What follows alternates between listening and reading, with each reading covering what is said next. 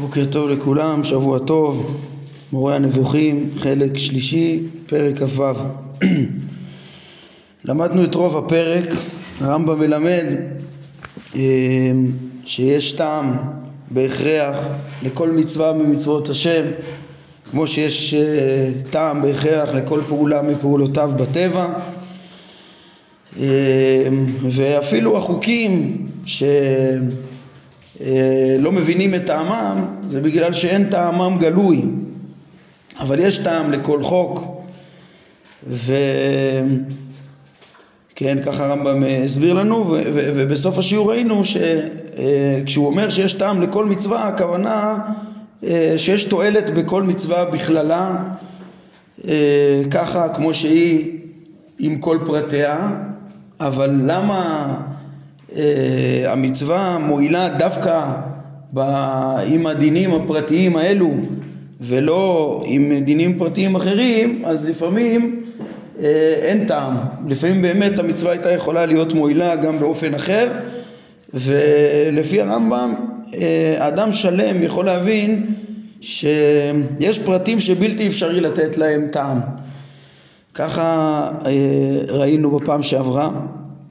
ושוב, כן, ברור ש, שהמצווה עם פרטיה תועיל ומאוד מועיל לתת אותה עם הפרטים האלה, אלא דווקא הפרטים האלה אה, אין לזה טעם. אה, אמרנו שהיו שהתקשו ב, ב, בחידוש הזה של הרמב"ם, בטענה הזאת של הרמב"ם, אה, ש... שלפרטי מצוות אין טעם אה, הכרחי אה, מדויק וזה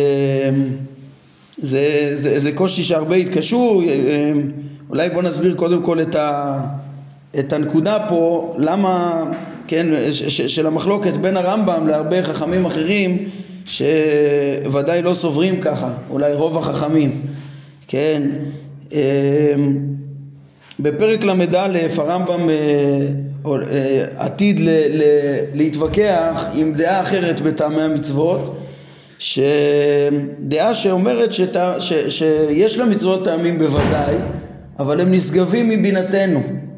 הם נשגבים מבינתנו, הרי הם נובעים מהחוכמה האלוהית, והם לא מוכנים לקבל אה, שטעמי המצוות הם, אה, הם רק החוכמה המועילה לתיקון האדם, לתיקון דעותיו, לתיקון מידותיו. הם, הם פשוט לא מוכנים להגיד, מקס, כן, הם, מקסימום יגידו שזה גם מועיל לזה, אבל בעיקר לא, בעיקר לא, בעיקר לא מבינים, בעיקר אם זה משהו אלוהי אז זה נשגב מבינתנו.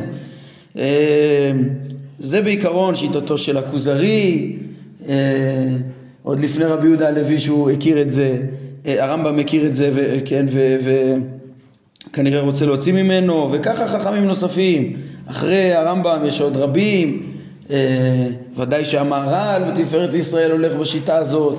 ומתווכח באמת אה, מפורשות עם, עם, עם הרמב"ם, הוא מתווכח שם אפילו עם הרמב"ן, אה, שהרמב"ן אה, הוא גם כן בעיקרון הוא לא, הוא לא לגמרי כמו הרמב"ם, הזכרנו בשיעור שעבר קצת מהדברים שלו שהרמב"ן מדגיש שלכל מצווה יש תועלת בתיקון המידות והדעות והמעשים של האדם כמו הרמב"ם, והוא אומר שזה חייב להיות תמיד, אבל אה, אולי נחדד עכשיו שהרמב"ן הוא אומר את זה ממקום אחר, הוא, הוא, הוא אמנם אה, לא מדגיש כן כמו המהר"ל לגמרי את, את, את הנשגבות של המצוות שזה גזרות כי הוא אומר שחייב להיות להם תועלת בעולם הזה אבל הרמב"ן אצלו אין את היסוד הזה ש, שאין טעם לפרטים, מה פתאום?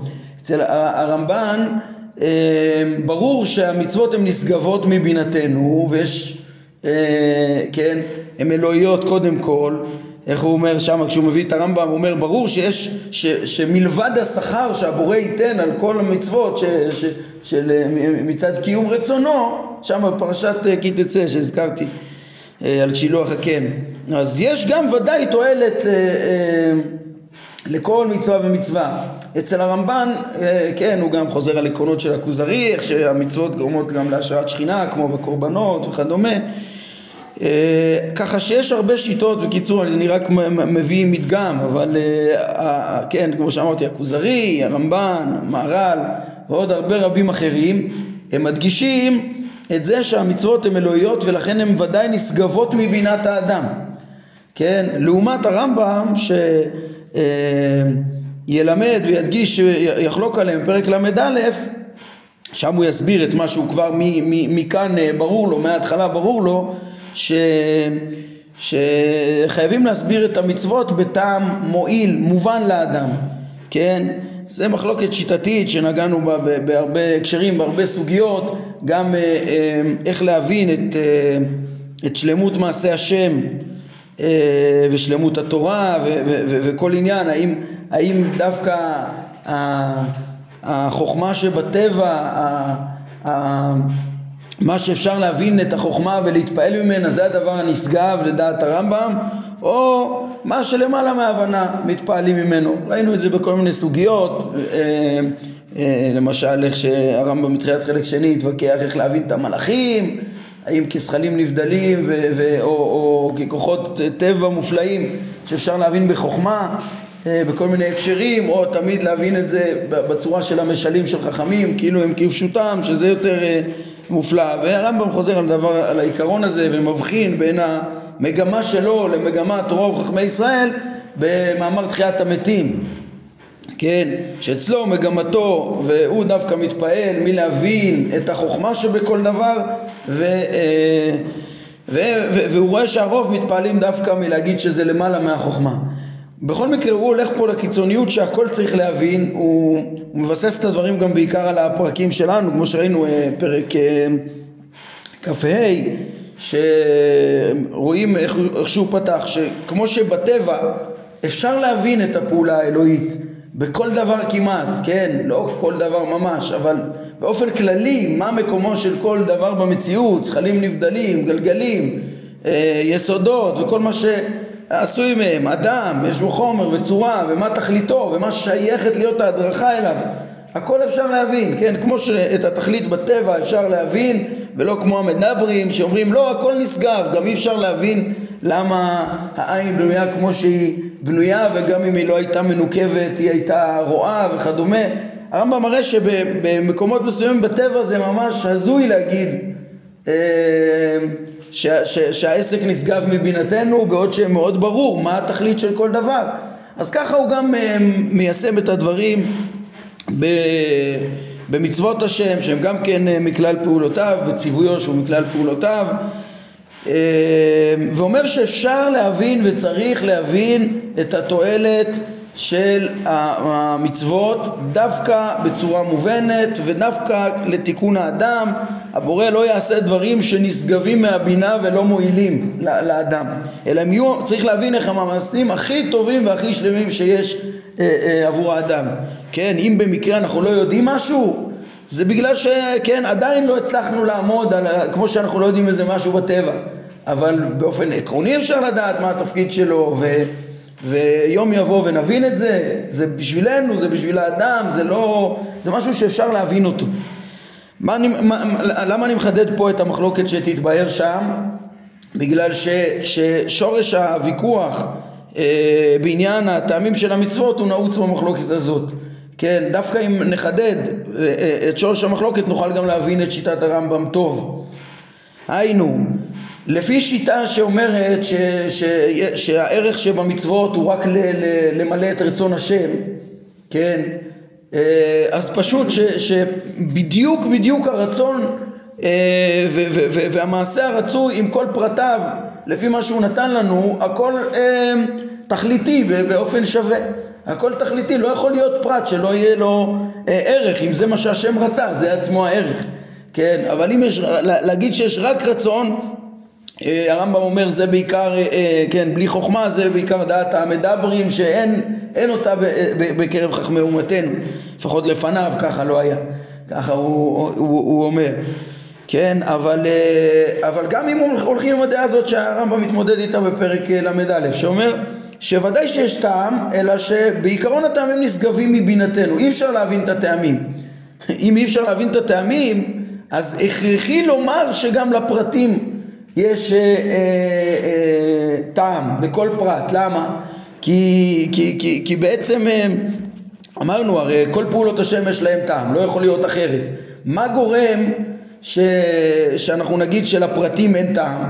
אם, אם אנחנו מבינים מה המטרה של המצוות, מבינים מה המטרה ומבינים שוודאי היה אפשר להגיע למטרה רק גם באופן אחר, אז, אז, אז באמת מגיעים למסקנה של, של הרמב"ם, וכל אדם שלם אומר הרמב"ם, יכול להבין מה תכלית האדם, מה המטרה של המצוות, כן, ככה הוא אמר אצלנו, כל אדם שלם, ממילא הוא יכול להבין שאין אין, אין שום הכרח לעשות דווקא בפרט הזה ולא בפרט אחר, כן, כי אתה מבין מה המטרה והיה אפשר להבין אחרת, אבל אם אתה מראש לא מבין מה המטרה של המצוות והיא נשגבת מבינתנו, אז מה פתאום שתגיד ש, ש, ש, שהבורא יעשה דבר ללא תכלית? אמרנו שהעיקרון הוא חייב להיות שהבורא עושה כל דבר לתכלית, אלא מה, כן, רק אם יהיה לך הכרח אחר, שאתה מבין, כן, פה זה מממש את התכלית והיה אפשר גם אחרת, אבל בכל זאת היה צריך פרטים מסוימים וזה, אז, אז אה, בקיצור, פה, פה נעוץ שורש המחלוקת, כל מי שיגיד שה, שהמצוות הם רצון או חוכמה נשגבת, חייב לומר שיש תועלת מצד החוכמה הנשגבת גם בפרטים. ודווקא לפי הרמב"ם, שהוא מיוחד בדרכו להבין ש, שאפשר להבין את עניינם הכולל של המצוות, כמו שנראה בפרקים הבאים, אז הוא בעצם מגיע בהכרח גם כן אה, לאמירה שלו ש, שהמצוות בדומה לטבע הם כולם ודאי מועילות אבל כמו שבטבע יש אפשרויות שונות החוקים מחויבים והפרטים אה, אפשריים ככה גם בעצם המצוות כן יחד עם זה שאנחנו דיברנו שכן רואים ברמב"ם שהיה הכרח לקבוע לקבוע מין כלשהו ופרטים כלשהם ואז ואז מאוד חשוב להישמע לאותם פרטים. יש את, את, אה, אה, בפרטים יש הכרח כללי שיהיה ציווי קבוע בלי לתת דברינו לשיעורים ואז יהיה מעלה של הישמעות לבורא. דווקא באותם פרטים ודווקא ככה מצוות יהיה להם את האפקט המוחלט אפילו שהיה אפשר באופן תיאורטי גם בפרטים אחרים אם הבורא היה קובע. אז בעצם מה שעשינו עכשיו, הסברנו את הוויכוח היסודי על הנקודה הזאת של הפרטים, אה, למה יש אה, חכמים רבים שלא מקבלים מה שורש העניין וממילא גם יתברר לנו יותר טוב דעת הרמב"ם למה אצלו אה, העניין שלו, כן, ההסברה שלו שאין טעם לפרטים מבחינתו זה, זה מחויב וכן, בהתאם לזה אני רק מזכיר לכם כמה שהרמב"ם אה, הדגיש שכך חייבים להבין כל מי ששכלו שלם אה, ולדעתו כל מי שמנסה לתת הסברים לחוכמה הנשגבת הזאת וכדומה, לפרטים הוא רק עושה אה, הזיה ממושכת, רק מוסיף אבסורדים, הוא לא פותר שום דבר, הוא בעצם, כמו שהסברנו פעם שעברה, הוא, הוא טוען שהבורא פועל בשביל פעולות שחוק, תכליות נמוכות שאין בהן טעם וכדומה, ו, ו, ו, והוא ממש מת, מתנגד לדבר הזה לפי שיטתו. אפשר לדייק יהודה הלוי שהוא גם סובר שאין טעם לפרטים? לפי רבי יהודה הלוי להפך, יש לו, לפי שיטתו יש טעם, הוא, הוא, הוא אומר ש, שהוא מדגיש ש, שהמצוות בגדרים המדויקים שלהם, עם כל הפרטים שלהם, זה הרצון האלוהי המדויק. למשל הכסיל אה, ש, שנכנס לאוצר התרופות, ובכל מקום הוא מדגיש שיש את המעשה הרצוי, הוא מדגיש את הרצון, כן, אז במקומות אחרים אתה רואה שזה לא, הוא לא כמו ה... אם מדקדקים טוב ברבי יהודה הלוי זה לא שהוא כמו הכלם, כמו אלה שאומרים שיש פה רק חפץ ואין פה חוכמה. לא, ודאי שיש חוכמה, אלא שכל החוכמה של המצוות זה משהו נשגב מבינתנו, מבחינתו. זה עניין אלוהי בכלל. זה כמו שיש תועלות בעניין הטבעי, אז יש עוד מישור בעולם, עניין אלוהי, אה, שבו יש חוקים אחרים שאנחנו לא מכירים, וזה עיקר הנקודה של המצוות, והוא מתנצל במאמר שני, בסוף כ"ו, שהוא בכלל ניסה, נדחק לתת טעם למצוות אלוהיות אה, ולטעם השראת השכינה בעולם וכדומה, שמסדר את המשכן כאין אה, אה, מבנה של אדם, שכאילו הנפש שורה בו וכדומה. הוא מאוד מתנצל בדברים האלו. הוא טוען שיש חוקיות שאין לנו, שאיננו יכולים להבין, זו ההדגשה המרכזית שלו. שוב, יש חוכמה נשגבת מבינתנו. והרמב"ם לא מקבל את הדבר הזה, כן, הרמב"ם, אה, אה, כמו שאמרתי, זה הנחת היסוד שלו, כמו שאפשר להבין את הטבע, אחרת ממש קשה הרמב"ם אומר, הרמב"ם אומר זה, זה, זה, זה סוג של פעולת הבל, אתה ממציא מישור שלם שלא קיים במציאות למי שיודע את המציאות לעומקה, כן, לא רק אה, בתור פילוסוף, גם בתור מי שיודע את סודות התורה, הרמב"ם כבר לימד איך שסודות התורה הם הם סודות המציאות יש משלים, יש סודות המציאות, תכיר אותה לעומקה, תבין את החוכמה שבה, תבין באמת, בלי דמיונות, את, ה, את המקום שלך, את התפקיד שלך ומה שאתה צריך לעשות. זה הטעם ההכרחי שיש לכל המצוות לפי הרמב"ם, הריאלי, המתאים לסודות התורה, ש, שדווקא מי שיבין אותם לעומקם, כמו שהרמב"ם מבין אותם, לדעתו, הוא גם יוכל להבין את טעמי המצוות שהוסתרו, אה, דיברנו גם על הסיבות שהם הוסתרו. כן, שלא יבואו לקלקול ושבאמת צריך כדי להבין באמת את, את, את המצוות אה, בצורה ריאלית אפילו, כן, ולא איזה נשגבת מלאה דמיונות כאלו ודווקא עם חוכמה ושאיך הוא יאמר בפרק ל"א שלא יהיה האדם שלם מבוראו שהאדם עושה פעולות, האדם החכם רק פעולות לתכלית והבורא לדעתם עושה פעולות ללא תכלית, למשהו למעלה מהדעת, מה זה? אין בזה היגיון, הכל דמיון, ככה הרמב"ם רואה את הדברים. אז מי שיבין את הסודות יבין את זה יבין את זה, מי שלא מסוגל להבין את כללות המציאות ואת העומק שבה ואת החוכמה שבה, זה יראה לו סתם, אנושי, זה לא גדול, זה לא זה, אבל האמת שיש בזה כל כך הרבה חוכמה וזה אלוהי, כל הטבע אלוהי, כל הטבע שלם, אי אפשר להידמות לו, אה, לייצר דברים כמו הטבע כל כך שלמים, או כמו מצוותיו, שהם ההדרכות החכמות שמועילות לאדם, מביאות אותו לשלמותו. אז זה חוב אחד ש, שהיינו צריכים להשלים, להסביר על מה עומדת דעת הרמב"ם בהבדל משאר השיטות. אה, אמרתי גם שאני אתייחס להרחבה שיש לנו פה. אה, ההרחבה הזאת משקפת חכמים לא מעטים שהתקשו בדעת הרמב"ם בנושא הזה, כן, ובעיקרון הם רוצים לטעון, אגיד לכם בקיצור רב, הם רוצים לטעון ולהוכיח מתוך הרמב"ם עצמו שבאמת לפי דעתו יש טעם לכל פרט מפרטי המצוות. כן, אם אתם אה, אה, קוראים את מה שכתוב כאן, אז הם אומרים זה מסוכן לצטט את הרמב"ם במקום אחד, כי במורה נבוכים, כי זה יכול להיות שבכלל לא שיטתו, צריך ללמוד את כל הספר, אם לא למדת את כל הספר, אז uh, אתה יכול לטעות. למה? כי פה באמת כתוב שאין טעמים למצוות, אבל באמת דעת הרמב"ם שיש טעמים למצוות. איך אפשר להגיד דבר כזה? הרי פה הוא אומר בפירוש חד משמעית לא יכול להיות יותר חריף וחד מהדברים האלו. אה, שכל מי ששכלו שלם יכול להבין שרק כך צריך להתייחס לפרטים. אה, והוא כל כך, הוא מסביר את זה, הוא מבסס את זה, הוא מכריח שזה חייב להיות ככה, זה, זה בדמיון הטבע האפשרי ושמי שעושה אחרת הוא, הוא הזיה ממושכת וכולי. אה, כל כך מסביר את זה טוב, איך, יכול, איך אתה יכול להגיד הפוך ממה שהוא אומר כאן? אז אה, אה, פשוט, הם, הם, הם מתרצים, הם חושבים ש, שהרמב"ם כבר לימד בתחילת הספר בסתירה השביעית, שהוא לפעמים, אה, כן, לא יודע אם כותבים את זה פה בפירוש, אבל ברור שרק על, על זה מיוסדים. וכל, אה, יש כאלה שאומרים, דווקא בגלל שהרמב"ם אומר שכל כך אמור לטעות בזה, זאת אומרת, זה בגלל שהוא רצה ש, ש, שתשים לב ש, שהוא סובר הפוך. כאילו הוא יציג את זה בצורה כזאת קיצונית.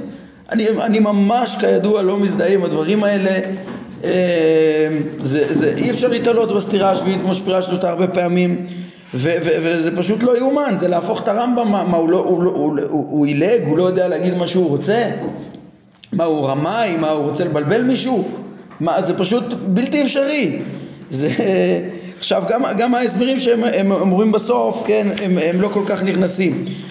כן, הם ממש לא נכנסים כאן, הם כאילו, שוב, לשיטתם, האמירה שהם אומרים אי אפשר לצטט מהרמב"ם כי, כי לך תדע, אולי הוא יסתור את דבריו במקום אחר ובאמת הוא סובר אחרת, זה גם כן בעיניי אה, הורס את, ה, את כל הרמב"ם, מה פתאום, אפשר לצטט כל רמב"ם, מצווה לצטט כל רמב"ם והוא מתכוון לכל מה שהוא אמר, זה נכון שיש אה, אה, מה שנקרא הסתירה החמישית, שלא בכל מקום הוא יכול להסביר עד הסוף את, את, את, את הרעיון, כן?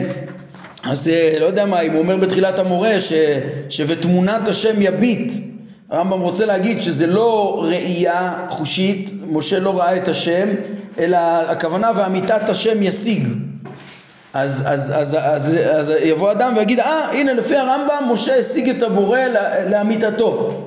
כן, אז הרמב"ם אומר לו, תשים לב שלפעמים אה, אתה נמצא בשלב ראשוני של הלימוד, בהמשך אני גם אלמד שגם להשיג אותו לאמיתתו אי אפשר, אבל בשלב הראשון רציתי ללמד את המתחיל שלראות אותו אי אפשר. כן, מה זה להשיג את אמיתתו? תגיע לפרקי התארים, תבין איך, איך אפשר להשיג אותו רק על דרך השלילה וכולי. אבל אפשר לצטט את זה, בטח, אפשר לצטט את הרמב"ם. אה, אה, אה, תמונת השם מביט זה אמיתת השם ישיג, זה לא ראייה, בהקשר שם זה לא ראייה. כל רמב"ם אפשר לצטט וצריך להבין אותו כפשוטו, הוא לא בא לבלבל אף אחד. הם מציעים כאן שני הסברים מה, מה הכוונה של, ה, של, של הרמב"ם, כן, אחד הם, הם עוד מסתייגים ממנו, בסוף יש להם את ההסבר שלהם, אבל לפני כן, על מה הם מתבססים בכלל להגיד שבאמת לפי הרמב"ם אה, אה, יש טעם לכל הפרטים, אז הם מביאים כמה וכמה ציטוטים אה, מהמשך הפרקים שהרמב"ם מסביר גם, גם פרטי טעמי מצוות, כן? לא רק את, זו דוגמה שראינו, כללות מצוות השחיטה והיתר הבהמות לאכילה, אלא גם למה לשחוט מן הצוואר ולא מן העורף. כן, או הרבה הרבה מאוד פרטים, הרמב"ם יסביר בפרקים אה, הבאים, כשהוא ייכנס לפרטי טעמי המצוות, כן, מל"ה עד מ"ט, וילמד אותנו על, אה, כן, על פרטים. נו, אז מה אם הוא לימד הרבה פרטים? הוא, יש פרטים שיש בהם טעם, ויש פרטים, כן, יש פרטים שאפשר לתת להם טעם, כמו שוחט מן, מן הצוואר ולא מן העורף, והוא רק לימד שבהכרח יש גם כאלה שאין. לא, ומצאו אפילו איזו אמירה כוללת שהרמב"ם אומר, הנה הסברתי לך את uh, כללות הטעמים של כל המצוות ו... ואפילו, ועם העקרונות שנתתי לך אתה יכול להבין אפילו את פרטיהם או את כל פרטיהם, נגיד יש לרמב"ם אמירות כוללות כאלה, כן, ברור שהכוונה רק לפרטים שאפשר להבין ככה הרמב"ם אצלנו יגיד, שכן, שמיד אה, אנחנו נראה בפסקה עשר הרמב"ם אה, אה, ייתן לנו את התוכנית לפרקים הבאים ו... ויגיד שהוא ייתן לנו את טעמה של כל מצווה כן והתבררו לי גם כמה פרטי מצוות וכמה מתנאיהם ממה שאפשר לתת לו טעם. לא כל דבר אפשר לתת לו טעם כמו שאמרנו כאן. אין שום מקור שבאמת סותר את האמירה כאן כן זה שוב אמירה כוללת באיזה מקום שאומרת תיקח את העיקרון הזה, אתה תבין אפילו בסוף טעמי המצוות, סוף מ"ט, הוא אומר, עם זה אתה אולי תבין אפילו את כל פרטיהם. מה זה את כל פרטיהם? את כל פרטיהם שאפשר להבין, לא את, ש... את, את פרטי הפרטים שיש בכל המצוות, מה שאי אפשר להבין. זה לעולם לא יהיה, כי יש, כי יש פרטים, כמו שהרמב"ם אמר, שהם פשוט, אה, אה, הם, הם, הם פשוט אה, אפשרות אחת שהיה אפשר גם אפשרות אחרת ו- וככה חייב להיות, זה כאילו נמנע, זה, זה, זה בלתי אפשרי בכלל, הוא אומר, זה, זה, זה כאילו נמנע ב, ב, ב, בעניין התורה, אה, כן, ככה הוא אמר לנו פסקה שמונה, שההכרח הביא שיהיו פרטים שאין להם טעם, כאילו מן הנמנע הוא לגבי התורה שלא יהיה בדבר מן הסוג הזה, זה בלתי אפשרי שלא יהיה את הדבר הזה. אז זה, זה, זה, כל האמירות בעולם שהוא יגיד בהמשך והפרטים שהוא יסביר זה לא אומר שאין פרטים שאי אפשר להסביר שהוא הקדים לנו את זה פה במבוא אז מה הם, אז, אז על בסיס, אני, אני מסביר למה האמירות שלהם פה לא, לא הכרחיות בכלל בעניין הזה. אה, ו... אז מה הם, הם הביאו איזה הסבר ש, שכנראה מיש, שמישהו אמר מה אה, לדעתם שוב הם קובעים? יש טעם לכל הפרטים, אז מה הרמב"ם אם ככה התכוון כאן? איך הם יסבירו את... אז הסבר אחד הם אומרים שהרמב"ם כל מה שהוא התכוון להגיד זה שאי אפשר לתת טעמים לכתחילה כן, כי כל מה שהוא יסביר בהמשך זה רק בדיעבד. היינו, שזה בעצם העיקרון שאני הסברתי ביחס לחוקים. כן, הקדוש ברוך הוא קובע לנו מצוות שבת עם ל"ט מלאכות. לכתחילה להגיד דווקא כך, ודאי שלא היינו מגיעים לזה מעצמנו. כן, ו... אבל בדיעבד אנחנו יכולים להבין את התועלת העצומה של קיבוע אמונת חידוש העולם, שזו אמונה כל כך חשובה, שנייה לאיחוד, היא מקיימת את הניסים ואת ההשגחה בצורה ברורה. אה, אה, אה, אצל ההמון כולם וכולי, מקבעת האמונות, אז כל כך חשוב השבת, כן, אבל דווקא ככה, לכתחילה לא, בדיעבד אולי נצליח להבין גם את, את התועלת. לא היינו אומרים דווקא ככה, אבל אם אתה כבר אומר טעם אפשר, לת, אפשר להסביר. ככה הם רוצים לומר. אז אני אומר, זה רעיון שהוא נכון באופן כללי, שהרבה אה, מהחוקים באמת יש בהם את העיקרון הזה. כן, אבל, אבל להגיד שזה מה שהרמב"ם רצה לומר כאן, שאל תיתן, אה, אי אפשר לתת לכתחילה אה, אה, טעמים. הוא אומר בכלל, אם אתה תגיד שבאמת זה גם בדיעבד להסביר שדווקא כך ולא אחרת, זה, זה פשוט הזיה, זה פשוט בלתי אפשרי, חייב להיות כאלו ש, שהיה אפשר גם אחרת. זה, הם עצמם גם לא אוהבים את ההסבר הזה, כי הם אומרים שלא, לא מספיק שיש אה, לפי הרמב"ם טעם לכל הפרטים, אלא הוא צריך להיות גם לכתחילה.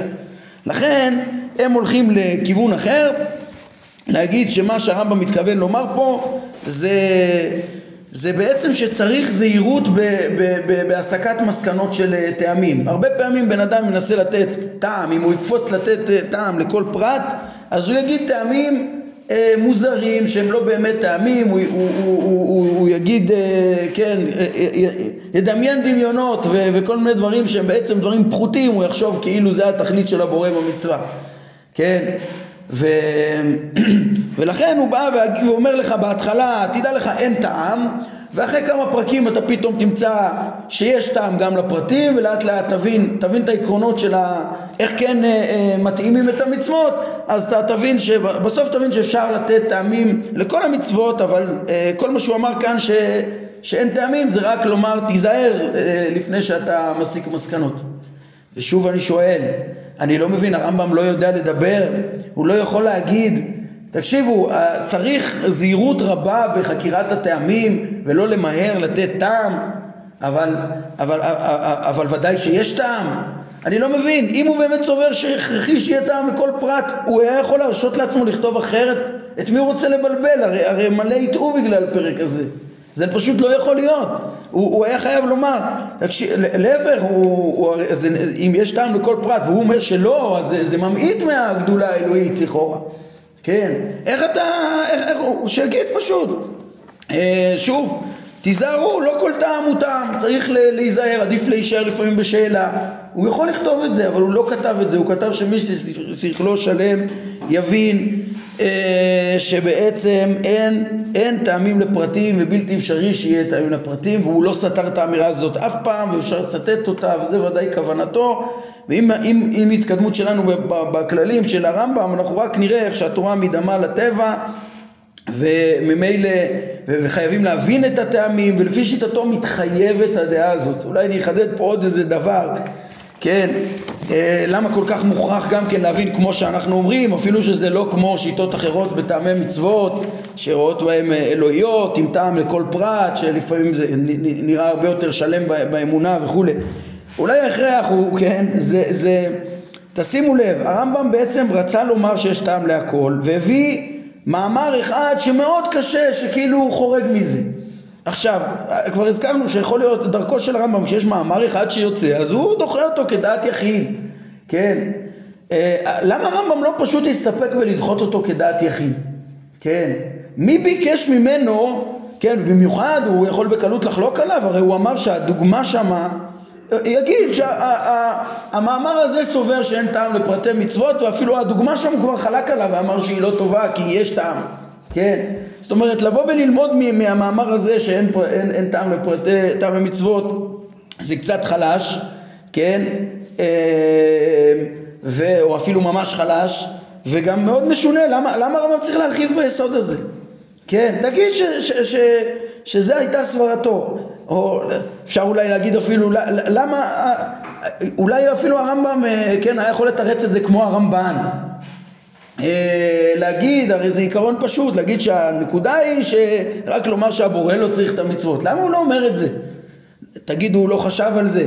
כן, אבל, אבל האמת היא שאם מעיינים פה רואים שברור שלא היה לו הכרח להוציא את היסוד הזה של אין, אין, אה, ש, לא המאמר הזה הכריח אותו להוציא את היסוד הזה של אה, אין, אין טעם לפרטי טעמי מצוות, אלא הוא פשוט, הוא מעצמו היה ברור לו שזה כך כנראה שהוא רצה אפילו להסתמך על המאמר הזה, שזה כך, אפילו שקשה להסתמך עליו, כי זה פשוט הכרחי, כי זה נכון בפני עצמו. זה ברור שככה הרמב"ם סבר, ולכן אה, שוב, בגלל, אה, אה, כשאנחנו מעיינים בדברים האלה שהיה אפשר לתרץ כמו הרמב"ן או היה אפשר פשוט להסתייג מהמאמר הזה והרמב"ם בכל זאת טורח ואומר ומה שהוא אומר פה שכל אדם שלם יבין שיש טעם לכלל כל מצווה והיה הכרח בפרטים מסוימים ואין דווקא בהם הכל מתחייב מהטבע כמו שהוא אומר פה ולתרץ את זה רק מוסיף אבסורדים ולא רק אמר שלהוסיף טעמים גרועים זה, זה, זה להוסיף אבסורדים אלא בכלל צריך להבין שיש טעמים שאי אפשר לנמק אותם, אז uh, ברור שזה מה שהוא סובר וזה uh, עיקר דעתו.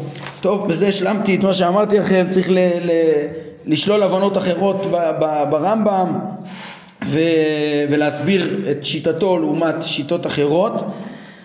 זה מה שעשינו בינתיים. Uh, כן, יש עוד uh, כיוונים ש, שלוקחים את, ה, את הרמב"ם לכיוונים אחרים, להגיד שלא, ש, שמה, שבכלל שיטתו במורה זה לא, זה לא דעתו האמיתית, נגיד אה, בתוך בית המדרש הרבה רגילים להגיד את זה, זה הוא כתב לנבוכים, ודאי שהוא לא סובר את זה, במשנה תורה ובמקומות אחרים הוא לא אמר שאין טעם לפרטים, כן, אבל האמת, גם זו לא שיטה, כן, זה, בכלל, זה, יש הרבה כאלה שאוהבים את ההפרדה הזאת בין מורה נבוכים למשנה תורה. להגיד במשנה תורה, נגיד בבית המדרש, הרבה אומרים משנה תורה זה דעתו האמיתית, משנה תורה פירוש המשנה. מורה נבוכים זה פילוסופיה, זה לא דעתו. כן, וכמובן שזה הבל גמור. אה, כל משנת הרמב"ם היא אחת אחדותית וגם בטעמי המצוות, אם מי שיסתכל פה ב, ב, ב, יראה שזה אחדותי לגמרי, כן, ב, ב, כל משנה תורה יש הרבה רמזים לטעמי מצוות עם התייחסויות מפורש, מפורשות בסוף הלכות מעילה וסוף הלכות תמורה ועוד כמה מקומות, סוף הלכות מקוואות ועוד כמה מקומות אולי נציין, נציין אותם בהמשך. לגמרי שיטה אחת והזכרנו כבר שיטת הרמב"ם היא ככה מצעירותו, מפירוש המשנה, מאיגרת תימן, ממשנה תורה, הכל שיטה אחת ברורה. ואנחנו עוד נראה איך שגם ה... היחס לפרטים הוא הכרחי, הוא, בעצם היחס לחוקים, כן? זה בעצם, הפרטים הם מכלל החוקים, כמו שאנחנו כבר דימינו את זה, והוא דיבר על זה, על, על, על, גם על העניין הזה, אה, על החוקים שבאופן עקרוני יש בהם טעם וצריך להתאמץ לתת בהם טעם, ו, ויש דברים שאנחנו לא מבינים וצריך לקיים אותם מצד החוק, ו, ו, ובעצם זה בדיוק היחס לפרטים שיש כאן. כן? הכל משנה אחת. אז יש בתוך, אמרנו, בתוך בית המדרש כאלו ש, שרוצים להגיד, ל, ל, להתנער מזה, כן? אה, אם היו מעמיקים במשנה תורה עצמו, הם מבינים שזו שיטה אחת. או יש כאלה שאומרים אה, להפך, מחוץ לבית המדרש, שדעת הרמב"ם זה באמת מורה נבוכים, ומשנה תורה, והוא כתב לציבור, להמון, דברים לא מדויקים, ולא מנסים לתאם את זה, כן? ברוך השם, אה, הרב מקבילי במהדורה שלפנינו מאוד חשוב לו להראות תמיד שזה משנה אחת, אחדותית, כן? אה, וברור לו שזו שיטה אחת וכמו במשנה תורה ומורה נבוכים, אלא שכאן בתוך מורה נבוכים לפעמים הוא אומר שהרמב"ם אה, ככה סותר את עצמו ולא התכוון למה שהוא אומר וכדומה. וממילא פה הוצרכנו להתווכח איתו בהקשר הזה. ו...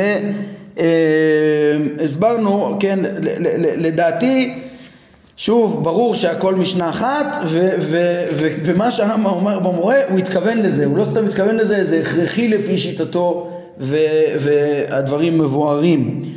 אה, טוב, אני רואה שאנחנו בסוף הזמן, בעזרת השם, את, את הפסקה הבאה אה, נראה לי נקרא בפעם הבאה, ואני חושב אולי, טוב, אולי, אולי בפעם הבאה גם אה, מה שחשבתי להראות לכם קצת יותר מתוך משנה תורה, איך שמשנתו אחדותית, היום ככה אמרתי בכותרות את העיקרון, אה, אבל אולי נראה את זה בפעם הבאה בעזרת השם, יש כאן תוכנית לכל הפרקים הבאים בעזרת השם, נדבר עליה, נראה שזה מתאים למשנה תורה ונוכל להתקדם בעזרת השם. טוב, אנחנו נעמוד כאן להיום. ברוך אדוני לעולם, אמן ואמן.